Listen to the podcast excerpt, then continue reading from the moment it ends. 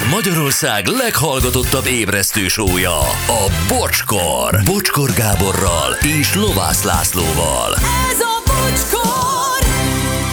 És 10 óra lesz 4 perc múlva. Hát pár gyors SMS, és ha jól láttam, piros vár a kapuban. Itt van már. Itt van már a munkámból eredően rengeteg idióta emberrel találkoztam, de néhány hallgató hozzászólása tud döbbenetet okozni. Remek volt a mai műsor is. Joe a zsaru üzente. Töröljetek és menjetek pihenni, de vigyázzatok, mindenki saját kovácsának a sorsa, avagy mindenki kovács. Köszönöm ezt az idézetet, holnap 608. Aztán Pándorfban nem kell osztrák matrica, Péter. Hát Péter, amennyiben izén akarsz menni szekérúton, akkor lehet, hogy nem.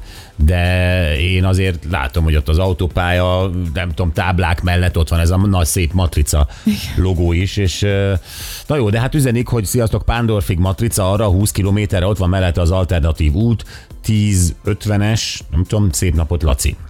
Jó, hát ott a szekérút is olyan gyerekek, hogy... Hát jó, az is mézes kalácsból van. Így van. Cukormáz van a szélén, abból vannak a csíkok. Robogjatok végig a mézes kalács úton, ez minden mesében bejön. Igen. Igen.